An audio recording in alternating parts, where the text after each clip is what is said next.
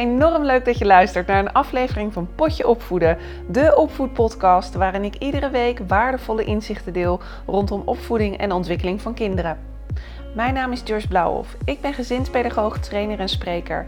En ik neem ouders en pedagogisch professionals mee in de zoektocht en de avonturen rondom opvoeden. Dit is jouw wekelijkse inspiratie en steuntje in de rug, de Potje Opvoeden podcast.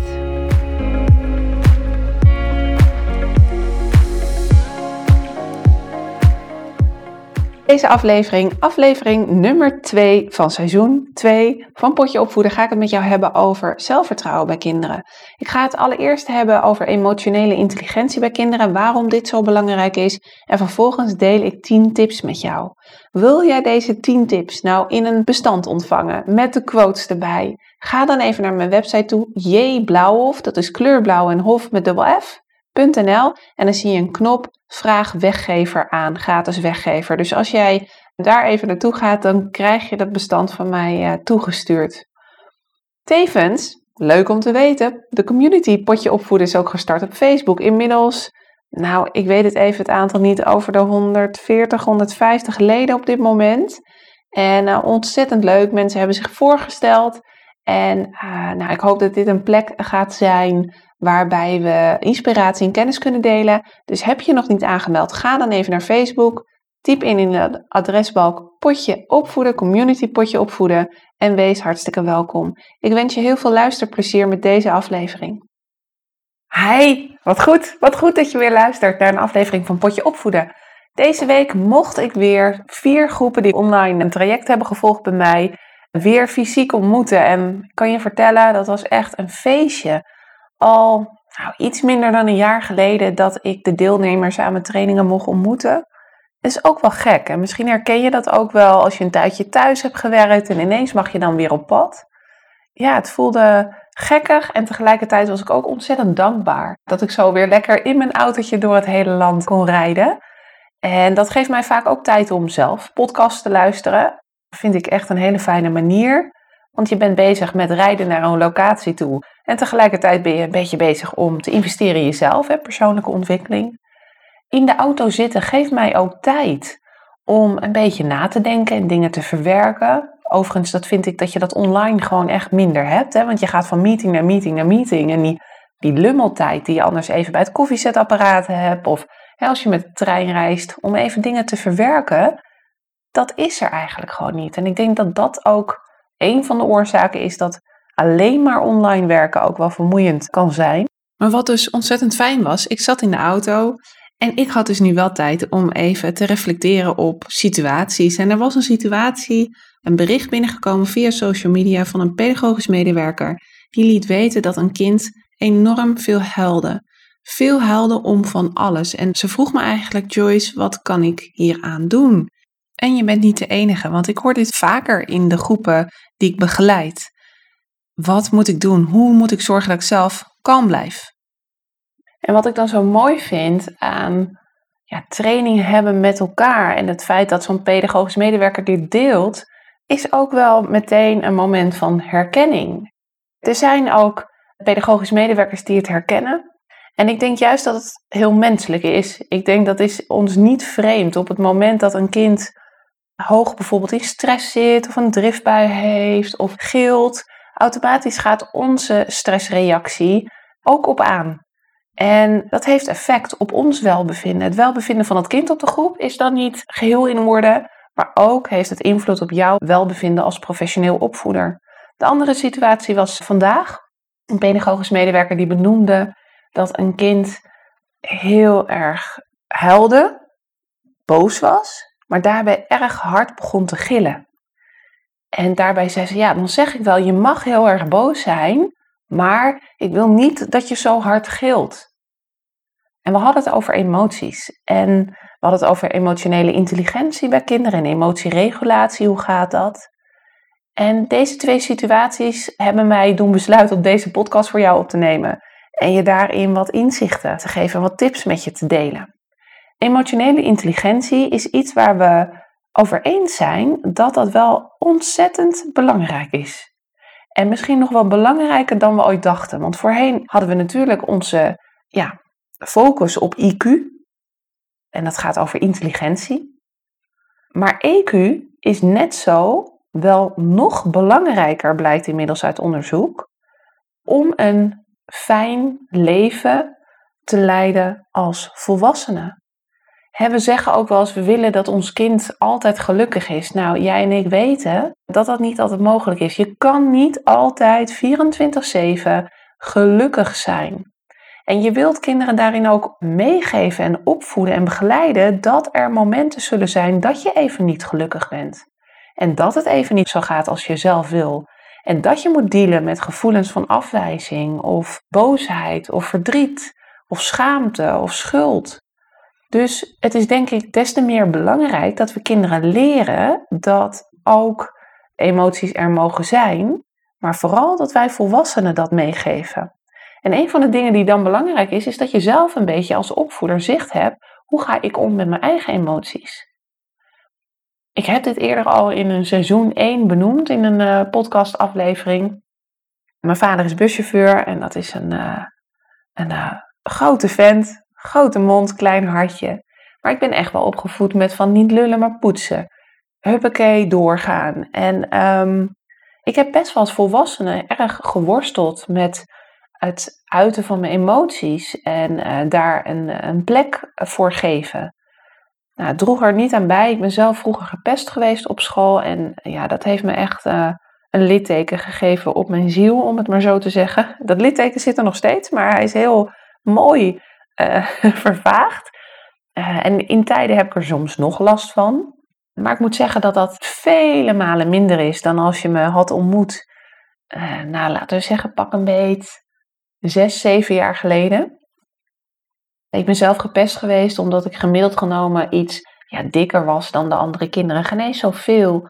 Maar dat is het natuurlijk met kinderen. Sommige kinderen voelen het. Hè? Er is altijd groepsvorming. En ik was iemand die niet zo goed voor mezelf durfde op te komen.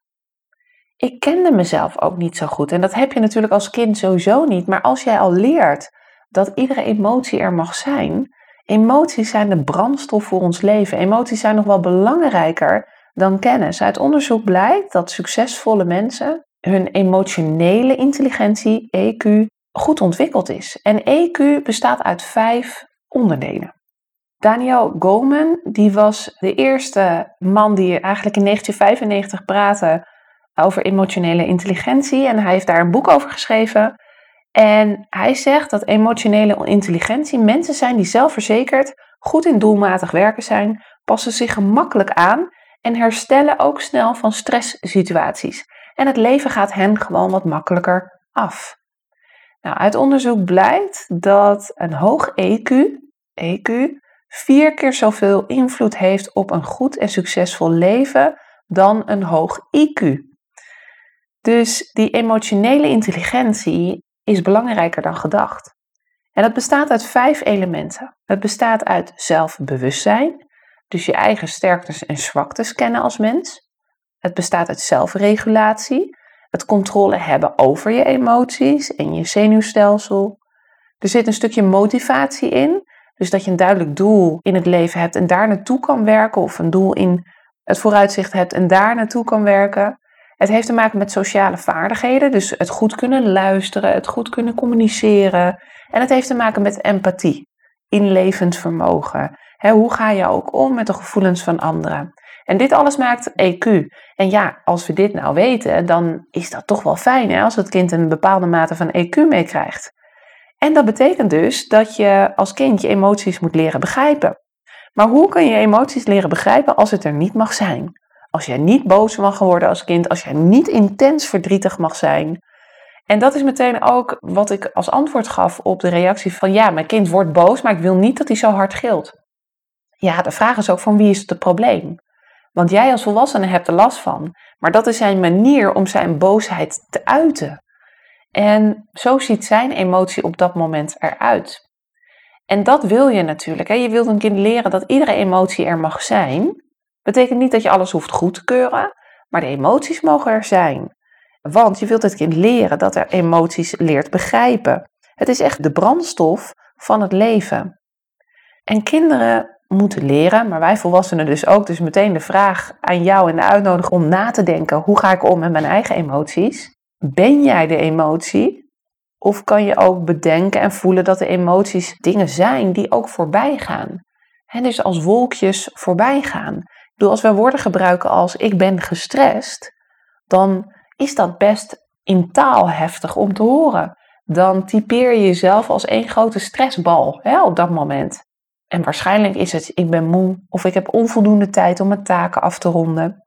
Of ik heb te veel taken gepland. En op het moment dat je het überhaupt lukt om die term ik ben gestrest om te zetten naar ik uh, heb te veel taken of ik ben moe. En voor jezelf diepergaande emoties eraan kan hangen.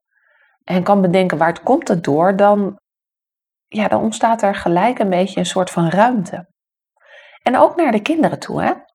We zijn snel geneigd om direct een oplossing te geven. Om maar het kind te behoeden van emoties. En terwijl ik dit zeg, weet je, ik ben hierin ook nog steeds een betere versie aan het worden van mezelf. Want ook ik merk dat als mijn zoontje verdrietig is, hè, we gaan bijvoorbeeld van de speeltuin weg, dat vindt hij machtig mooi om in de speeltuin te zijn. Maar ja, er komt op een gegeven moment een moment dat we weggaan. En natuurlijk geef ik al van tevoren aan, hè, uh, Tijn, je mag nog even in de, de speeltuin uh, spelen. Je mag nog twee keer van de glijbaan af of één keer en dan gaan we weg.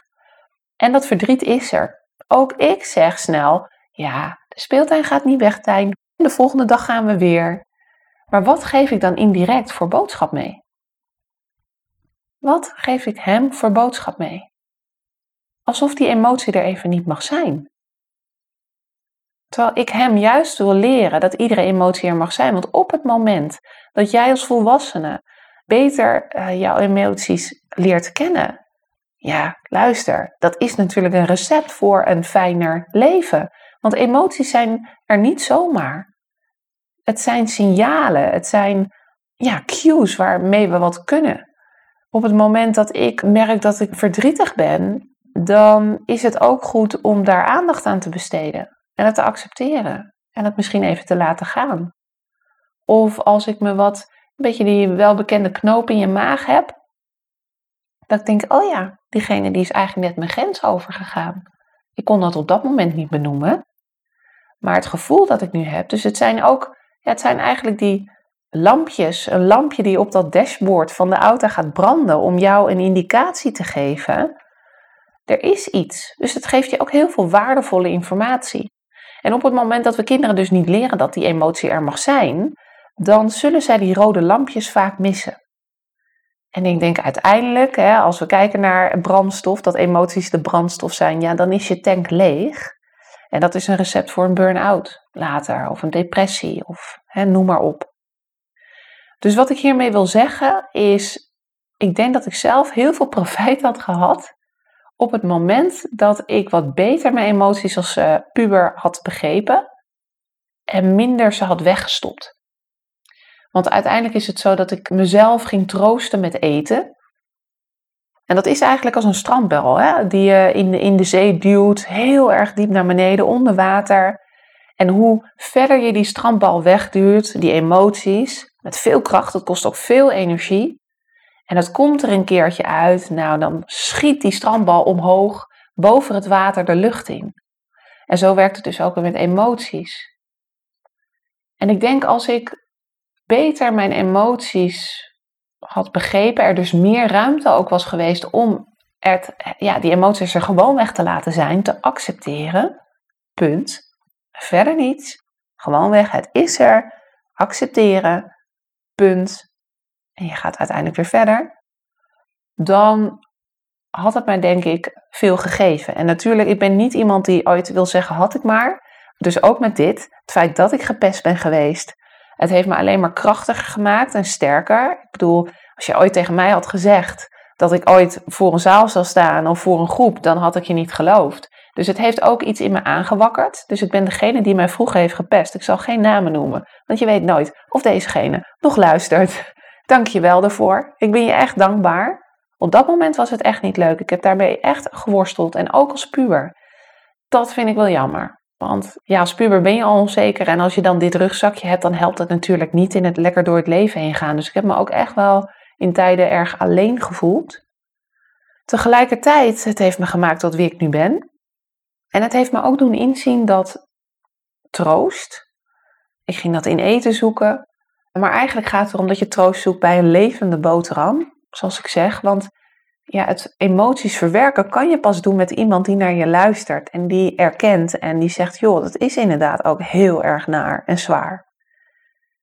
Nou, bijvoorbeeld uh, met het jongetje waar ik het net over had, het, het boos zijn, het gillen. Ja, je kan zeggen, ja, ik snap dat je boos bent, maar ik zou sowieso nooit het woordje maar gebruiken, want daarmee ontkracht je alles wat er in die uh, eerste zin is gezegd. Je bent ontzettend lief, maar ik ben teleurgesteld in je dat je dit nu hebt gedaan. Ja, luister, überhaupt die zin teleurgesteld in je vind ik uh, heel naar om, uh, om te horen. Maar dat, daarvoor hoor je ook helemaal niet meer.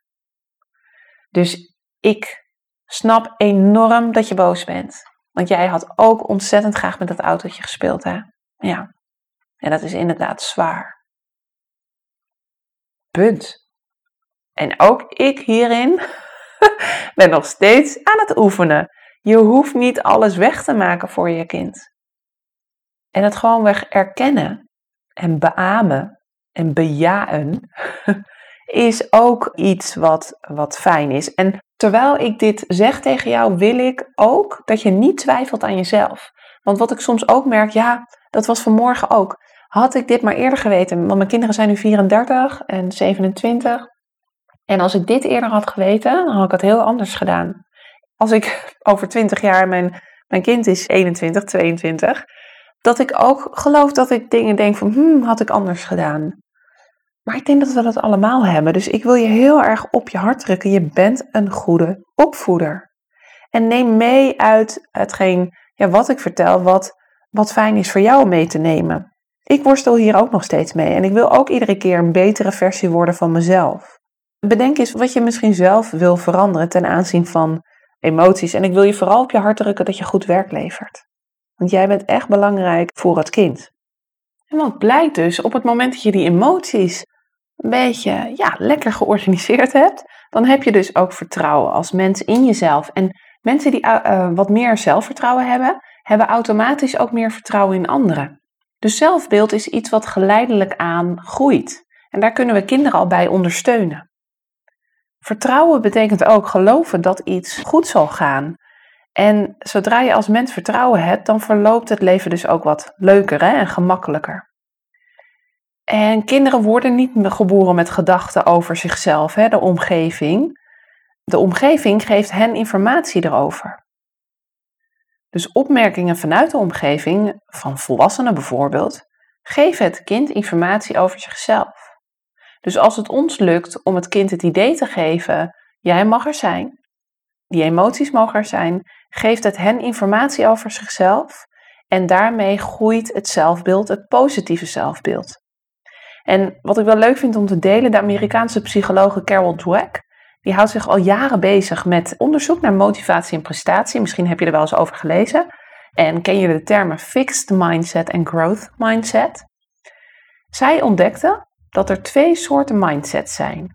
Nou, die fixed mindset dus gaat ervan uit dat IQ, en dan hebben we het dus wel even over IQ, een vaststaand gegeven is. Het is meegegeven vanuit de geboorte en het is niet meer te veranderen. Maar wat blijkt nou? Ons brein is plastisch, is in beweging als in kan gestimuleerd worden om ja, nieuwe, sterkere hersenverbindingen aan te maken. Dus de growth mindset die gaat ervan uit dat houding en inspanning je capaciteiten bepalen. Dus ons brein is in staat om zich te ontwikkelen. En Carol Dweck die ontdekte door kinderen te prijzen op inspanning, dus wat heb je hard gewerkt, zij eerder geneigd waren om die volharding te laten zien. Wanneer zij geconfronteerd werden met frustratie bij een taakje die net ietsje moeilijker was. Kinderen die werden geprezen om hun intelligentie. Wat ben je slim? Wat heb je snel die puzzel in elkaar gestopt? Of wat heb je snel die puzzel in elkaar gezet? Zij stopte eerder met de taak als het te moeilijk werd, want ze wilde heel graag dat compliment over die intelligentie of die snelheid behouden. En het blijkt ook dat deze kinderen eerder geneigd waren om hindernissen uit de weg te gaan en het makkelijker opgaven bij tegenslag dan kinderen die werden geprezen op inspanning. Wat heb je hard zitten werken? Wat heb je veel moeite gedaan? Dus bij een growth mindset is een persoon ervan overtuigd dat inspanning er gewoon bij hoort. En dat je iets kan leren door maar veel te blijven oefenen. En dat is wel mooi, want de onderzoekers die de kinderen dus prezen op die inspanning. Wat heb je veel moeite gedaan of het is je gelukt? Die kinderen die waren geneigd op dat moment van frustratie nog echt net even door te gaan. Om niet te snel die handdoek in de ring te gooien. Dus dat vond ik nog wel een leuk weetje. Als we dit zelfvertrouwen van kinderen ook willen prijzen, of willen stimuleren moet ik zeggen, dan helpt dit om kinderen te prijzen op inspanning. Dus let daar eens op. Hoe doe jij dat? En dat maakt dat ik even 10 tips met jou wil delen hoe je het zelfvertrouwen van kind een boost kan geven. Nou, de eerste is dus laat emoties er zijn en help kinderen op het moment dat ze emotioneel van streek zijn. Want ook uit onderzoek blijkt als we dat op een juiste, fijne, niet veroordelende manier doen, dan groeit de band met het kind nog veel dieper. En helpt het kind dus om voor latere leeftijd die emoties te zien als brandstof voor het leven en als signalen te zien waarmee je iets kan. En ook te laten zien dat het eindig is. Het gaat weer voorbij als wolkjes in de lucht. Het is heel fijn als we de heldere blauwe hemel kunnen zijn en dat je niet de emotie bent, maar dat je dus die wolkjes ziet en dat jij die blauwe hemel bent en die wolkjes voorbij ziet drijven.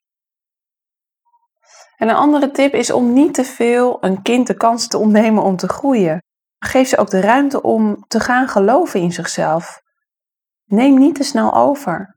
Laat een kind eerst het zelf proberen en reageer daar positief op. En probeer niet te snel iets uit handen te nemen van een kind. Wacht soms even en kijk gewoon even of kinderen het zelf oplossen. Wacht tot een kind vraagt om hulp. Of wacht tot het moment dat een kind er echt zelf niet uitkomt. En stel het dan vragen waardoor het weer zelf verder kan gaan. Want op het moment dat het jou lukt om dat lijntje met het kind te houden, maar op afstand misschien vragen te stellen of instructies te geven, daarmee geef je het kind de ruimte om te ontdekken. Ja, en als het dan lukt, dan is dat super gaaf voor het kind. En dan zal je zien dat hij of zij glundert van, eh, van zelfvertrouwen. Tijn zat hier vorige week op de bank en het lukte hem niet om een bepaald boekje open te doen. Het was zo'n flapjesboekje. En ik zag het gebeuren vanuit de keuken en ik dacht, oh ja, kijken wat er gebeurt. En hij liet wel even een, soort uh, grommomentje horen. Dat herkende ik overigens van mezelf. maar um, uiteindelijk lukte hem het. En ik was niet van plan om te snel in te grijpen. En de trots die er toen was, hij zei zelf ook: wow. Dus dat was wel heel mooi. Je ziet dan letterlijk kinderen groeien. Hè? Dat vind ik altijd zo mooi. Hak een taak in kleine stukjes. Neem alleen het meest lastige stukje over. Het duurt misschien wat langer, maar dan heeft dus het kind het zelf gedaan. Zodat het een succeservaring uh, op kan doen. Ja, en leer dat het fouten mag maken. Dus ook in ja, als er tijdens die emoties uiten wat omver wordt gegooid, ik noem maar wat, ja, benoem ook dat het kan gebeuren. En hoe ga je dat weer oplossen? En als het een jong kind is, help je natuurlijk het kind daarbij. En ik denk, als we kijken naar zelfvertrouwen, dan gaat het er vooral om dat het kind leert dat jij een voorspelbare volwassene bent. Dus dat je zegt wat je doet en doet wat je zegt. En dat kan je doen door jouw handelen van tevoren te benoemen. Of hè, als je zegt tegen een kind, kom zo bij je, dat je ook weer terugkomt naar het kind. Want op het moment dat je dat kan doen, die veilige haven voor een kind kan zijn, dan durft het ook weer naar je terug te keren. Op het moment dat het jou nodig heeft. En dan weet het ook van, hé, hey, op jou kan ik bouwen. Jij bent voorspelbaar voor mij. Dus wees op momenten volledig beschikbaar als volwassene. Door met jouw volledige aandacht te luisteren naar het kind, geef je ook het idee dat het er mag zijn. En goed contact bevordert een positieve sfeer, ook op je groep. Hè, waarin een kind zichzelf durft te zijn, durft te oefenen, maar ook even durft te zingen of durft gek te doen. Ja, dat zijn wel de momenten waarin kinderen leren dat je mag zijn wie je bent, zoals je zelf wilt zijn. En ieder kind is uniek En ook jij bent uniek. Dus weet ook dat het soms losstaat van jou. Zie het niet als persoonlijke afwijzing als een kind iets niet doet wat je zegt. Dus als we kijken naar het jongetje aan het begin, waar ik de podcast de aflevering mee startte. Het jongetje wat veel moet huilen om allerlei zaken. Mijn tip zou ook zijn: ga vooral met hem nog meer die positieve verbinding aan. Ga nog meer volledig beschikbaar zijn en één op één aandacht geven. Misschien op de hal, hè, wat meer individuele activiteiten. En kijk of het je lukt om ja, die emotionele bijtankmomentjes, die verbinding, knuffelen, die wat op te voeren voor dit jongetje. Nou, tip 6 is eigenlijk een beetje in relatie tot het verhaal van de volwassene die zegt: Ja, ik laat de emoties er zijn, maar het mag niet gillen. De vraag is ook van wie is het probleem? Dus als we kijken naar zelfvertrouwen meegeven, mag het kind zijn eigen emotie kiezen? Mag het er zijn? En natuurlijk snap ik dat er geen dingen kapot gemaakt mogen worden, maar laat je het kind in zijn of haar waarde en mag het zelf kiezen hoe het de emotie wil uiten. Zonder natuurlijk een grens over te gaan, hè, dingen kapot te maken, te slaan, fysiek te worden, nou, noem maar op. Dat is tip nummer 6.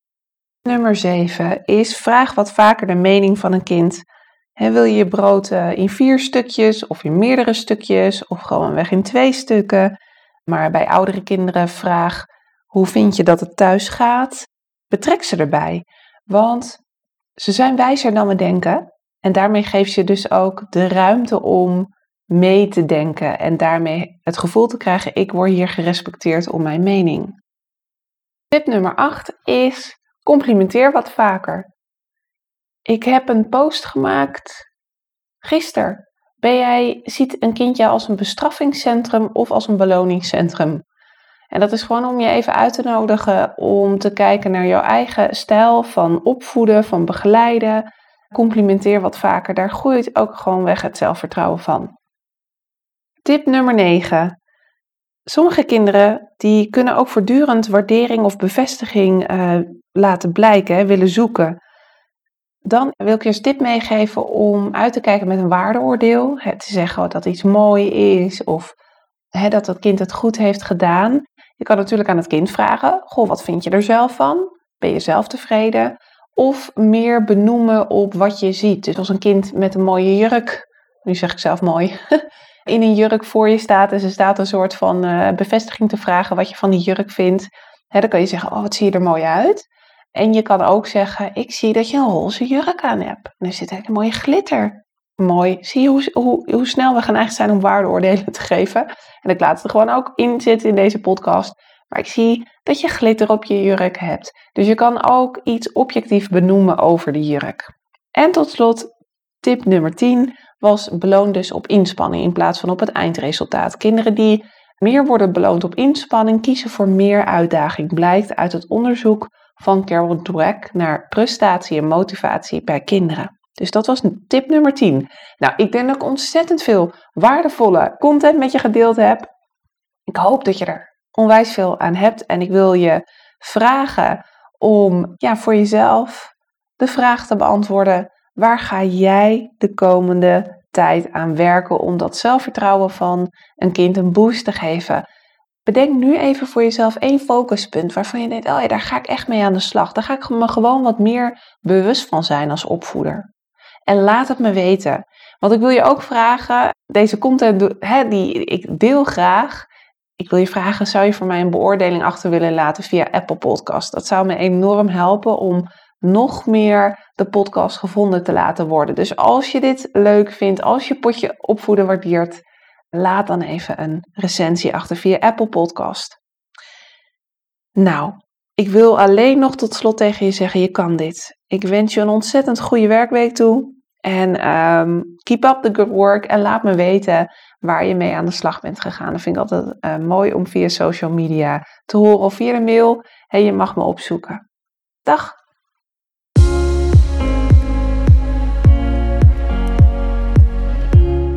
Hey, wat ontzettend leuk dat je hebt geluisterd. Bedankt daarvoor.